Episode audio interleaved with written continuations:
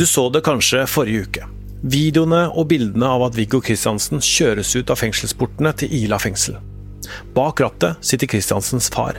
Bilen er på vei til Kristiansand, til foreldrenes hus. Kristiansen har på seg caps med rød brem på hodet. Han ser framover, ut frontruta. Pressen har møtt fram utafor portene. Idet bilen kjører ut, så blinker det fra blitsene på kameraene. Pressen står tett. Noen direkteoverfører det som skjer, mange prater og rapporterer. Så kjører bilen forbi. Dette er Krimpodden, og jeg heter Tor Erling Tømt Ruud.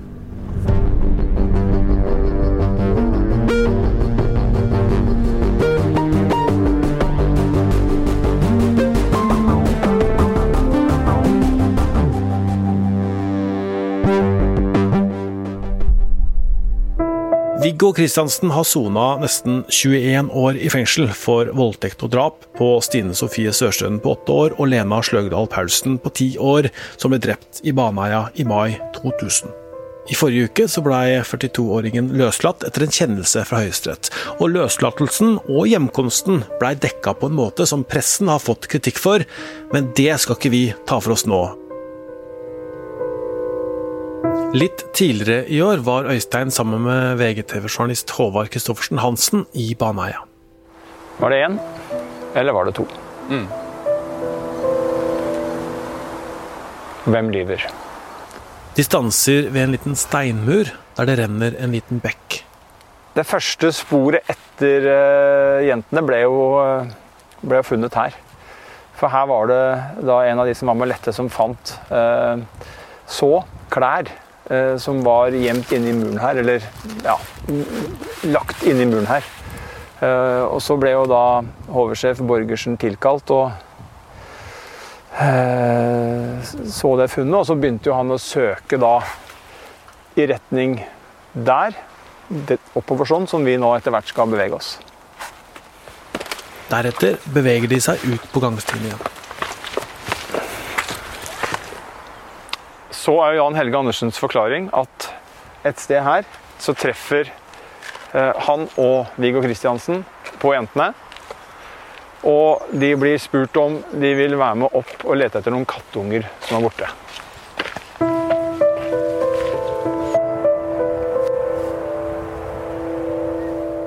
Vi er tilbake i nåtida. Krimkommentator Øystein Millie og jeg prater sammen om denne saken, som har prega Norge i over 20 år. Og Øystein, hvorfor blei Viggo Kristiansen løslatt forrige uke? Det er jo sånn, Tor Erling, at han har jo da, som du sa, sittet nesten 21 år i fengsel, som jo eh, dommen hans lød på. Så ble saken gjenopptatt i eh, februar, som vi husker, og da er det et eh, hovedprinsipp at du skal løslates. Så ble han likevel sittende. Eh, påtalemyndigheten nekta å løslate ham. Forsvarerne til Kristiansen gikk rettens vei for å få ham løslatt. De gikk til lagmannsretten eh, og sa at eh, vi mener han skal løslates. Politiet eh, nekter, eller påtalemyndigheten nekter å gjøre det. Retten må ta stilling til det. Så gjorde lagmannsretten det. Behandla den saken svært grundig og skrev en lang kjennelse. Og dommerne var uenige. To dommere mente at det fortsatt var mulig å holde Kristiansen i fengsel. De pekte på samfunnsvernet, altså hensyn til samfunnsvernet, og um, faren for gjentagelse, uh, bl.a. Mens den dommeren som ville løslate, mente at uh, man skulle følge hovedregelen, nemlig at han skulle slippes fri, og at det ikke var grunnlag for å holde ham i fengsel lenger. Og så uh, ble jo da denne avgjørelsen, 2-1-avgjørelsen, brakt inn for Høyesterett, som du sier. Og det, det, alt tyda på at den skulle behandles nå neste uke. Muntlige forhandlinger. Uh, Påtalemyndigheten uh, forberedte seg på det, forsvarerne forberedte seg på det samme. Men så snudde det jo fordi at påtalemyndigheten plutselig sa at uh, de var enige med forsvarerne i at Kristiansen burde løslates. Og så ble det da en, en ganske formalia-avgjørelse i Høyesterett. De måtte avsi en kjennelse, men det var jo ikke noen tvil om hvor det kom til å ende. Og så er kanskje og Så ble han løslatt. Og så syns jeg at begrunnelsen påtalemyndigheten ga, er, er, svært interessant i denne saken på hvorfor han ble løslatt. Hvorfor det? Fordi man starta jo da en etterforskning etter at denne saken ble gjenopptatt, så, så, brukte man litt tid til å tenke sammen i påtalesystemet, og så bestemte man seg for at det er riktig å flytte saken vekk fra Kristiansand. Vekk, vekk fra Agder-politiet, vekk, vekk, fra Agder eh, statsadvokatembeter, som jo har både etterforska og etter hvert også argumentert ganske hardt i denne saken, altså da særlig statsadvokatene. Eh, og jeg tror eh, Riksadvokaten mente at det var på alle vis sunt å få nye hoder inn, som for det første så saken på en ny måte, men også ikke hadde med seg en ryggsekk og kunne mm, ja, kunne kritiseres for å ha, være forutinntatte. Man valgte Oslo-politiet, som har jo et svært kompetent etterforskningsmiljø, kanskje det beste i landet, og flytta saken til voldsavsnittet, hvor de etterforskerne som jobber med de tyngste sakene i Oslo, er ansatt. Og Oslo statsadvokatembete, som er det eh, et stort statsadvokatembete, fikk, fikk ansvaret for, eh, for, for, det i den enden. Og, og, så begynte man jo å se på saken. De som fikk den da, de kjente den jo ikke i det hele tatt før. De to statsadvokatene har aldri vært borti Baneheia. Etterforskerne har aldri sett på denne saken, kjente ikke avhørene, eh, vitneforklaringene, DNA-rapportene, mobiltelefonbeviset. Alt dette var de ukjent med, og måtte begynne å sette seg inn i saken. Da sa de at det var en ganske begrensa jobb å gå gjennom denne saken eh, med 2021-øyer og etterforske den. Det var snakk om at det skulle være noen få eh, som skulle se på noen helt uh, isolerte spor. Men så har det skjedd ting i kulissene. Fordi når statsadvokaten eh, sier at Viggo Kristiansen skal løslates, så sier han samtidig at det har blitt mye mer, eller ikke mye mer, det er mine ord, men mer omfattende enn man antok. Det har dukka opp nye ting etterforskningsmessig som gjør at man må bruke mer tid. Man blir ikke ferdig før sommeren som man trodde. Man må også bruke noe av høsten, kanskje helt frem til jul. Eh, og at det har eh, ja, Han sier rett ut, statsadvokaten, at det er mer å se på enn det man så for seg da man begynte. Og det syns jo jeg er svært interessant. Det eh, gir jo et håp om at vi kanskje skal få noen nye svar. Kanskje vil noen si utrolig nok i denne saken nå så lenge etterpå. Ja, Hvis det har dukka opp nye ting, hva er det? Det spekuleres det jo litt i, eh, både her og der. Ehm, det som jo er ganske åpenbart, syns jeg, er at man eh, ser på DNA-sporet på nytt. Og det er jo kanskje ikke så, så veldig overraskende. Oslo universitetssykehus har identifisert 22 sporprøver som kan være egnet for nye DNA-analyser i Baneheia-saken. Flesteparten av dem har ikke blitt undersøkt siden etterforskninga i 2000. Prøvene er sikra bl.a. fra Stine Sofie Sørsjøen og Lena Sløgdal Paulsens hender, negler og bein. De fleste av prøvene som ble undersøkt i 2000, har aldri blitt undersøkt med ny og moderne teknologi. Det er nå blitt tatt ny DNA-prøve av Viggo Kristiansen i Kristiansand. Prøven ble tatt av folk fra Oslo-politiet. Viggo Kristiansens forsvarer, Arvid Sjødin, mener det er bra at DNA nå etterforskes. Han sier med den moderne teknologien som finnes nå, så vil saken oppklares, og Viggo Kristiansen frifinnes. Jeg syns det er uheldig at påtalemyndigheten ikke er mer åpen om hvem det skal tas referanseprøver av, sier Sjødin til VG. Det blei aldri gjort DNA-funn som knytta Kristiansen til drapene, og han har hele tiden sagt at han er uskyldig. Jan Helge Andersens advokat, Svein Holden, sier at Andersen ikke har blitt spurt om å avlegge ny DNA-prøve. Men det vil han naturligvis gjøre dersom politiet ønsker dette på et seinere tidspunkt, sa Holden til VG. Bistandsadvokatene Audun Bekkstrøm og Håkon Brekkhus sier at familiene til de drepte jentene håper at påtalemyndighetens tro på konkrete svar er begrunna, og sier at nye analyser vil kunne gi flere detaljer. Hva kan de finne ut? Hva er det igjen å, å sjekke? Hva Kan man løse det med DNA nå? Det er jo ikke tvil om at DNA-teknologien, som veldig mye annen eh, teknologi, har gått uh, fremover. At det har utvikla seg voldsomt. Uh, og så vet vi at man jo den gangen fant et DNA-spor som det har vært mye strid rundt uh, i, i Baneheia-saken. Nemlig dette såkalte DNA-beviset, som det ble fremstilt som den gangen, um, og som ble fremstilt som et bevis mot Viggo Kristiansen. Det er da DNA-spor um, som man mente den gangen um, kom fra en uh, gjerningsperson nummer to. Man mente at den, for det man mente var at det sporet, det materialet, det kunne ikke stamme fra Jan Helge Andersen. Det slo man fast, samtidig som man da mente at det kunne komme fra en gjerningsperson nummer to. Uh, og, og, man endte på en måte den gangen med å komme så nær at man sa at uh, DNA-sporet kunne komme fra Kristiansen, men også 54,6% av norske menn, tror jeg det var, eller om det var norske befolkningen, i hvert fall veldig mange, da. At det var omtrent 50 uh, som hadde dette DNA-materialet i seg.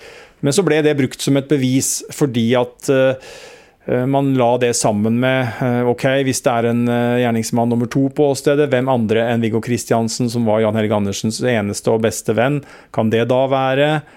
Man så på Viggo Kristiansens modus, og så, og så ble summen da, av disse bevisene ble avgjørende for, for Kristiansens del.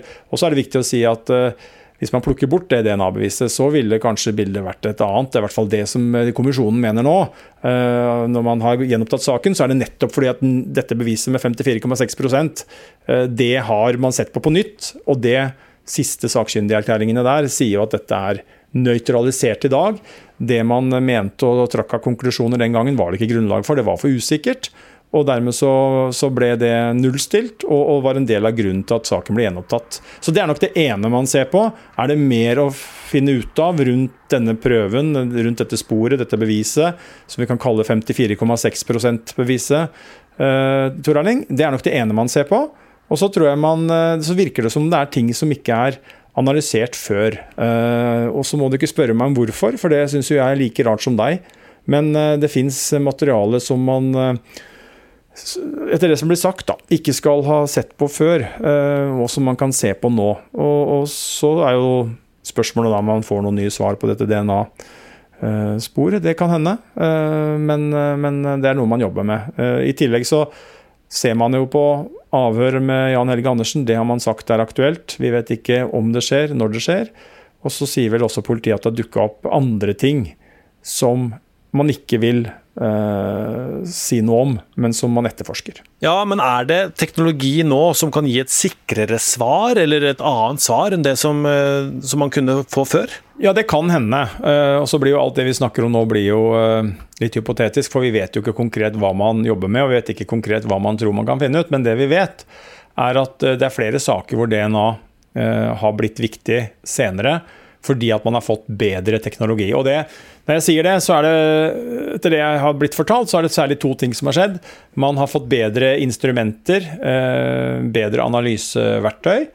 Og så trenger man mindre mengder DNA for å få ut en profil. Og så har man i tillegg eh, økt den tallrekka. Altså alle vi har jo en DNA-profil, Tor Erling, og vi har hver vår unike tallrekke. Og den var eh, på betydelig færre sifre eh, for en del år siden enn den er nå. Um, så, det er på en måte den biten av det. Og så uh, er det jo eventuelt hvis man da ikke har Så, vi vet jo noen saker, da. Sjøvegan-drapet, Kristin Juel Johansen-saken, har jo ny DNA-teknologi spilt en helt avgjørende rolle. I den siste, den Kristin Juel Johansen-saken, så var det jo avgjørende. Man stikker sikra DNA-materialet fra jenta da hun ble drept. Fant ingen eh, DNA-profil ved første undersøkelse da, eh, etter at hun ble undersøkt med en gang. Sparte på DNA, dette DNA-materialet. Prøvde en ny analyse seks år senere, tror jeg det var. Seks-sju år senere. Fant, ikke ut en full, fant ikke en full DNA-profil, men fant at det var en spor etter en mann i denne prøven. Og Så gikk det enda noen år, seks-sju år, og så gjorde man en ny analyse med nytt verktøy, ny metode, behøvde mindre materiale, mindre mengde materiale. Og da fikk man jo et gjennombrudd og en full DNA-profil, og det ble jo helt vesentlig da når man pågrep og etter hvert fikk dømt en mann for drapet på, på Kristin Juel Johansen. Så, så, det er jo en, et eksempel da, på at dette her eh, har et potensial. Og Vi laga jo en uh, egen episode om nettopp DNA, hvor uh, dette her er et uh, tema. Så hvis du ikke har hørt den, så må du bare gå tilbake og høre på DNA-episoden også. Tilbake i Baneheia. Forsiktig tar Øystein og Håvard seg til åstedet. En relativt godt skjult plass med tett vegetasjon. Et sted det på mange måter ikke er enkelt å være på.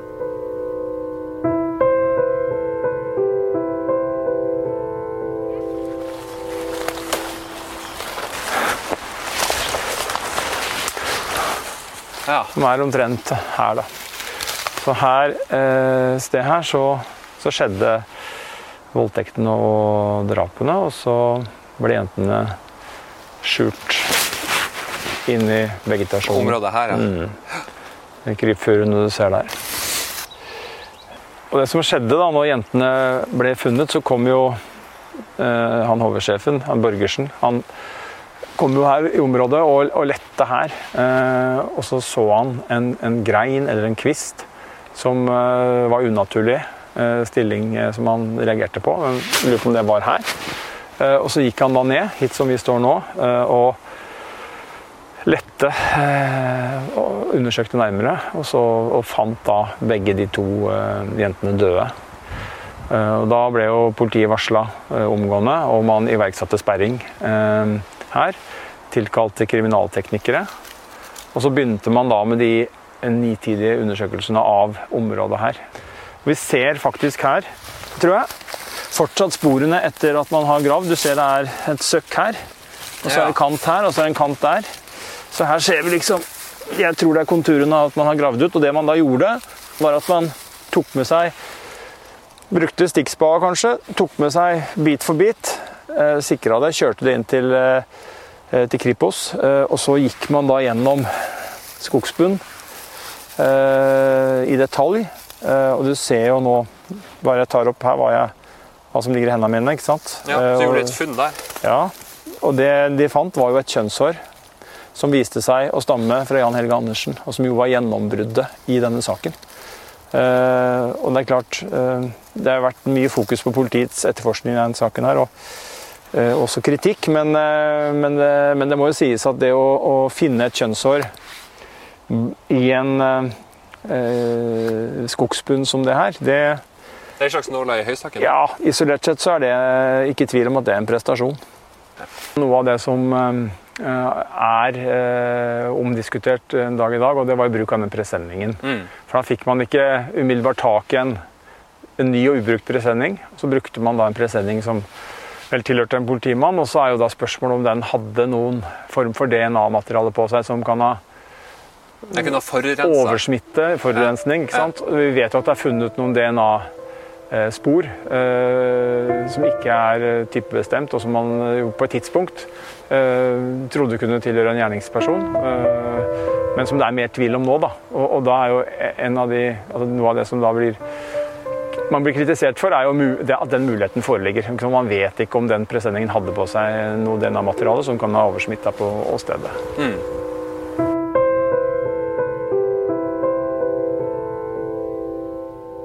Eh, dette her med mobilbeviset, eh, som også da eh, ble brukt i denne saken, hva vet vi om det nå? Det vil jeg også tro at man ser på. Og så er det jo det å si at der har man ikke eh, de samme mulighetene. fordi at eh, DNA-teknologien har gått fremover. Det har også mobilteknologien gjort, og det er voldsomt. Men problemet der er jo at man er avhengig av å kunne eh, gjenskape de forholdene som var i Baneheia eh, 19. mai i, i 2000, hvis det skulle hatt noen verdi. Og det er jo ikke mulig, selvfølgelig. Så der må man forholde seg til det som ble gjort den gangen, og de rapportene som ble skrevet da.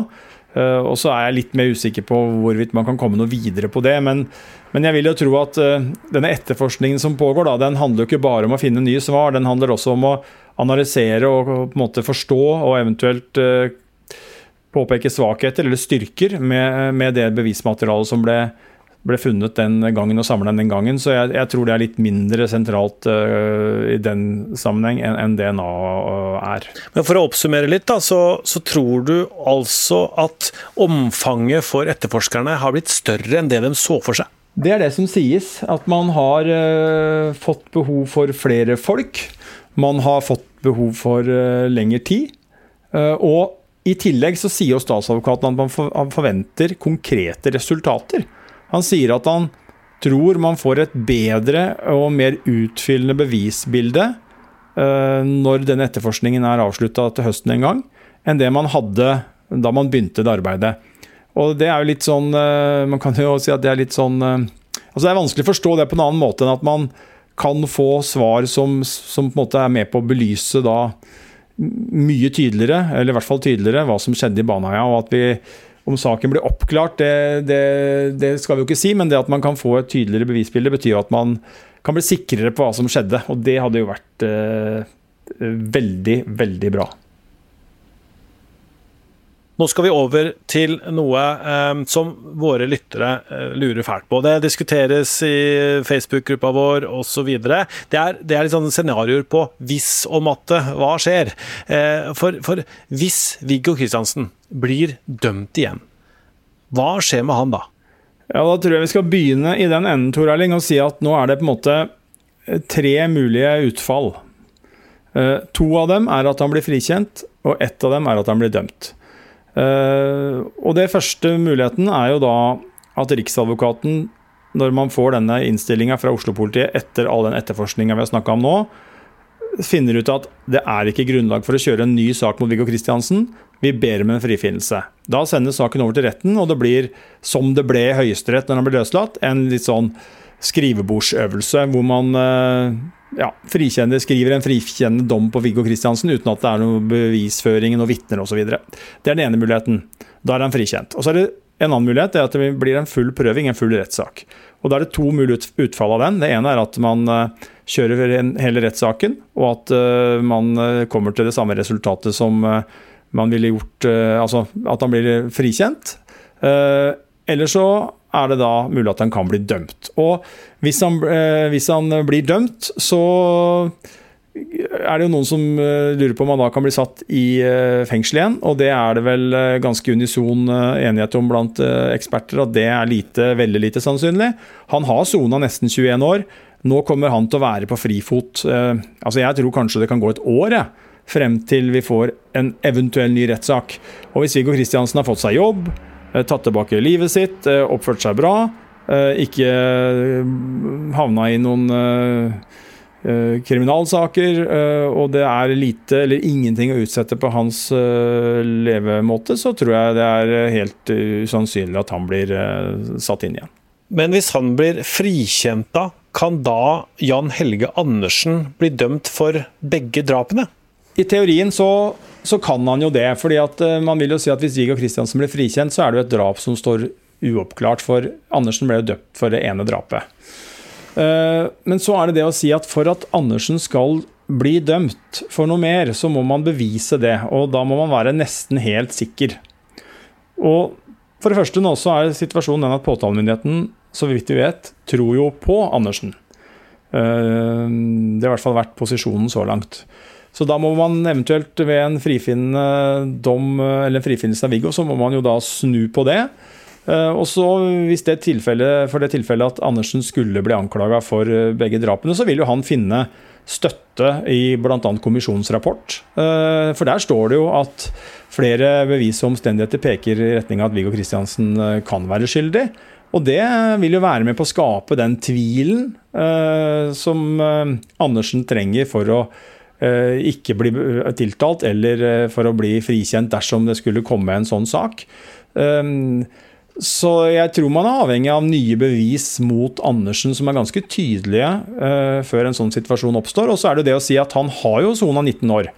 Og han kan ikke dømmes to ganger. så Han får jo ikke 21 år på nytt eller 18 eller 19 år for det andre drapet, men han kan eventuelt få maksimalt 21 år. Og det er to år til. Og da er jo spørsmålet blir jo en vurdering for det første. Eh, han tilsto jo, eh, selv om det vel ikke skjedde med en gang. Eh, så blir det kanskje en vurdering om den tilståelsen skal tillegges noe vekt i straff altså formildende retning. Det er det ene. Og det andre er jo at han har jo da tatt livet tilbake og skikka seg vel, så vidt vi vet. Og da er det vel også det en vurdering, vil jeg tro. I hvert fall en sånn praktisk vurdering som man ville gjort. Men det som er viktig å si, er at dette er så mye hvis og dersom matte. Så jeg tror med det som eh, er i, er i, lufta nå, så tror jeg det beste og viktigste og riktigste er å se, ta ett steg om gangen, og det er ofte lurt. Og nå er det såpass mye, mange signaler på at eh, det er utvikling i Baneheia-saken. Så jeg tror det å forskuttere om hva som skjer med Jan Helge, Jan Helge Andersen langt der fremme, det tror jeg er prematurt. Jeg tror vi skal fokusere på det som skjer her og nå, og se at politiet nå har fått ny giv når det gjelder etterforskningen. Ja, men jeg må stille ett spørsmål til om det. skjønner du, for at uh, Det er også mange som lurer på om Viggo Kristiansen, hvis han blir frikjent, kan han da uh, saksøke Jan Helge Andersen uh, for falske anklager? Du kan saksøke folk for det aller meste, og også det. Og, og da blir jo det en bevisføring. Og der er jo, i så fall så vil beviskravet være lavere. fordi at det å bli dømt til straff da, eh, gjennom at påtalemyndigheten stiller deg for retten, der er beviskravet veldig strengt. Eh, sånn at, og, og, altså vi, jo, vi, har jo snakka om den saken mange ganger før, Tor Erling, og du kjenner den jo bedre enn noen.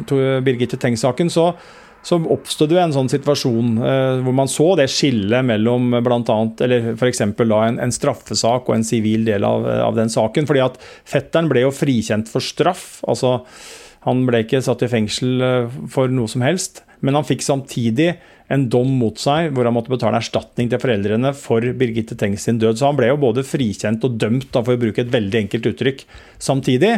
Eh, og Det sier jo noe om, eh, det viser jo det paradokset som ligger i rettssystemet. Det er ikke matematikk. Det er ikke sånn at det ene svaret er riktig og det andre er feil, nødvendigvis. Og dermed så er alle de tinga vi snakker om nå, da, hva som kan skje dersom at det, hvis om at det. Eh, ikke er det noe fasit nødvendigvis på hvert enkelt svar. Og flere av de vil jo avhenge av hva som har skjedd i forkant, så det nytter jo ikke å vurdere en måte, tre steg frem før du vet hvordan steg én og steg to faktisk har gått, eh, hvis jeg skal si det sånn. Da håper jeg at eh, alle de som hører på, som har spørsmål rundt dette, har liksom fått litt mer klarhet i hvordan dette her henger sammen. Og at det, blir veldig sånn hvis og dersom at det, og at eh, vi må ta et steg av gangen og måtte spille ut det som skjer da. Jeg kan jo si en ting til. ikke sant? Strafferetten er jo sånn bygd opp at det er, ikke, det er ikke det at du ikke blir dømt for noe, er jo ikke per definisjon det samme som at du ikke har gjort det. Eh, for det kan være at Og det er jo den Tengs-saken et eksempel på, da. Man mener jo da at fetteren har gjort det. I og med at Så kan man kritisere og diskutere det til man blir grønn og blå, men, men retten sier jo at vi tror du har gjort det, fordi at du er ansvarlig overfor foreldrene å betale en erstatning, for der er beviskravet lavere. Ehm, det sier retten med den ene hånda, og så sier retten med den andre hånda. Men i en strafferettslig sammenheng så kan vi ikke dømme deg. Ehm, så Vi tror du har gjort det, for vi dømmer deg til erstatning. Men vi kan ikke straffe deg, for vi har ikke god nok, eller det foreligger ikke gode nok bevis. Så det er jo på en måte eh, en del av dette her som gjør at eh, ja, dette er komplisert, og at eh, det ene ikke utelukker det andre. Det er jo helt håpløst. Ja, det kan du si, men sånn er nå systemet innretta. Og, det og det er jo, dette er jo en stor diskusjon som, som pågår, men, men, det betyr jo at selv om, selv om, jeg blir frikjent for noe, så er det ikke sikkert at retten mener jeg ikke har gjort det. Det kan hende at jeg blir frikjent fordi at uh, man ikke klarte å bevise at jeg faktisk hadde, hadde stjålet den brusflaska eller, um, eller tatt den, rappa den sykkelen, hvis det er det jeg har gjort. Sier du nå at uh, Viggo Kristiansen kan være skyldig selv om han blir frikjent? Altså På generelt grunnlag. altså Når man tar helikopter og hever seg over Baneheia-saken, så er jo, er jo det samme gjelder jo for han som for alle andre. at man jeg er helt sikker på at det sitter dommere rundt omkring og har frikjent folk for ting de mener at en tiltalt har gjort. Men fordi at man ikke har bevis som er gode nok, så har man gjort det. Og Så kan det godt hende at i Baneheia-saken at det ikke blir tilfellet.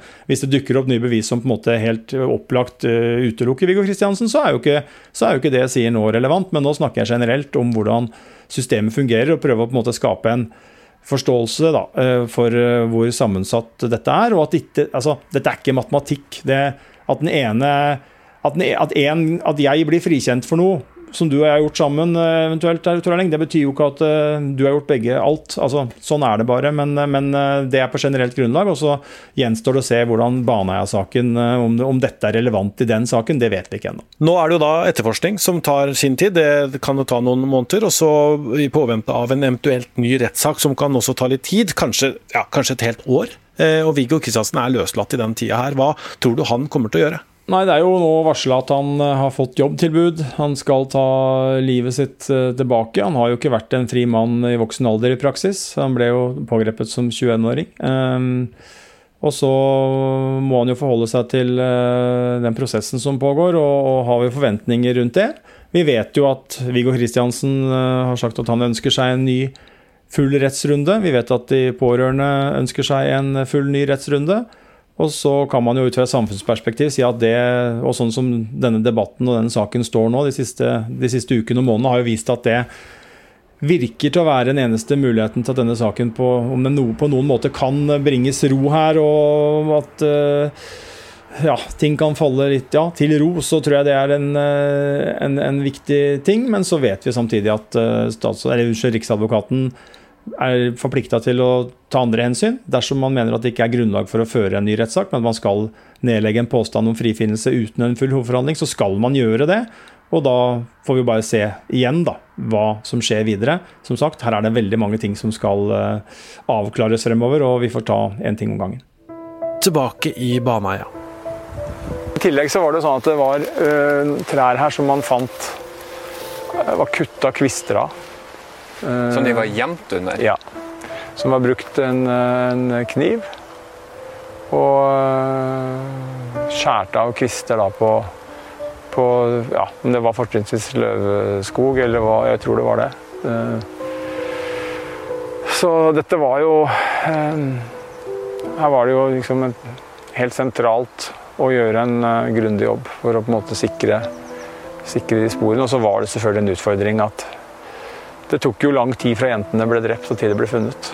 Og det forringer bevis.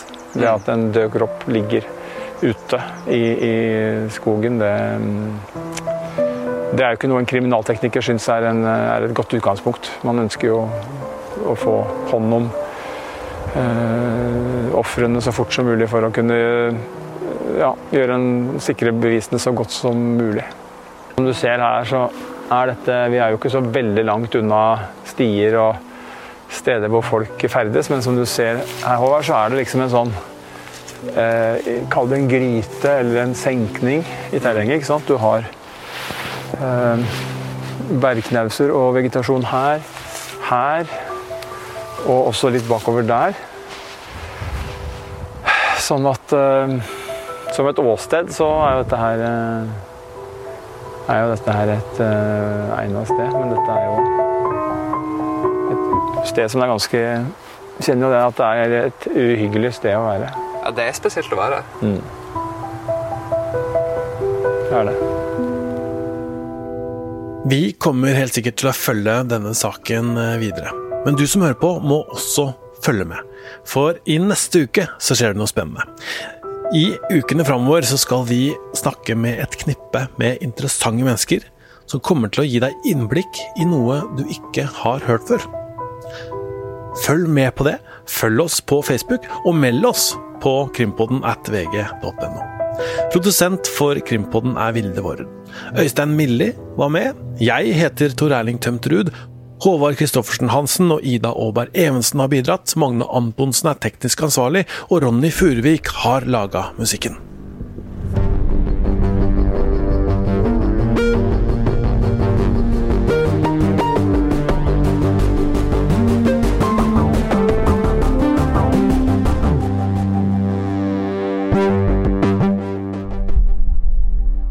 Du har hørt en podkast fra VG.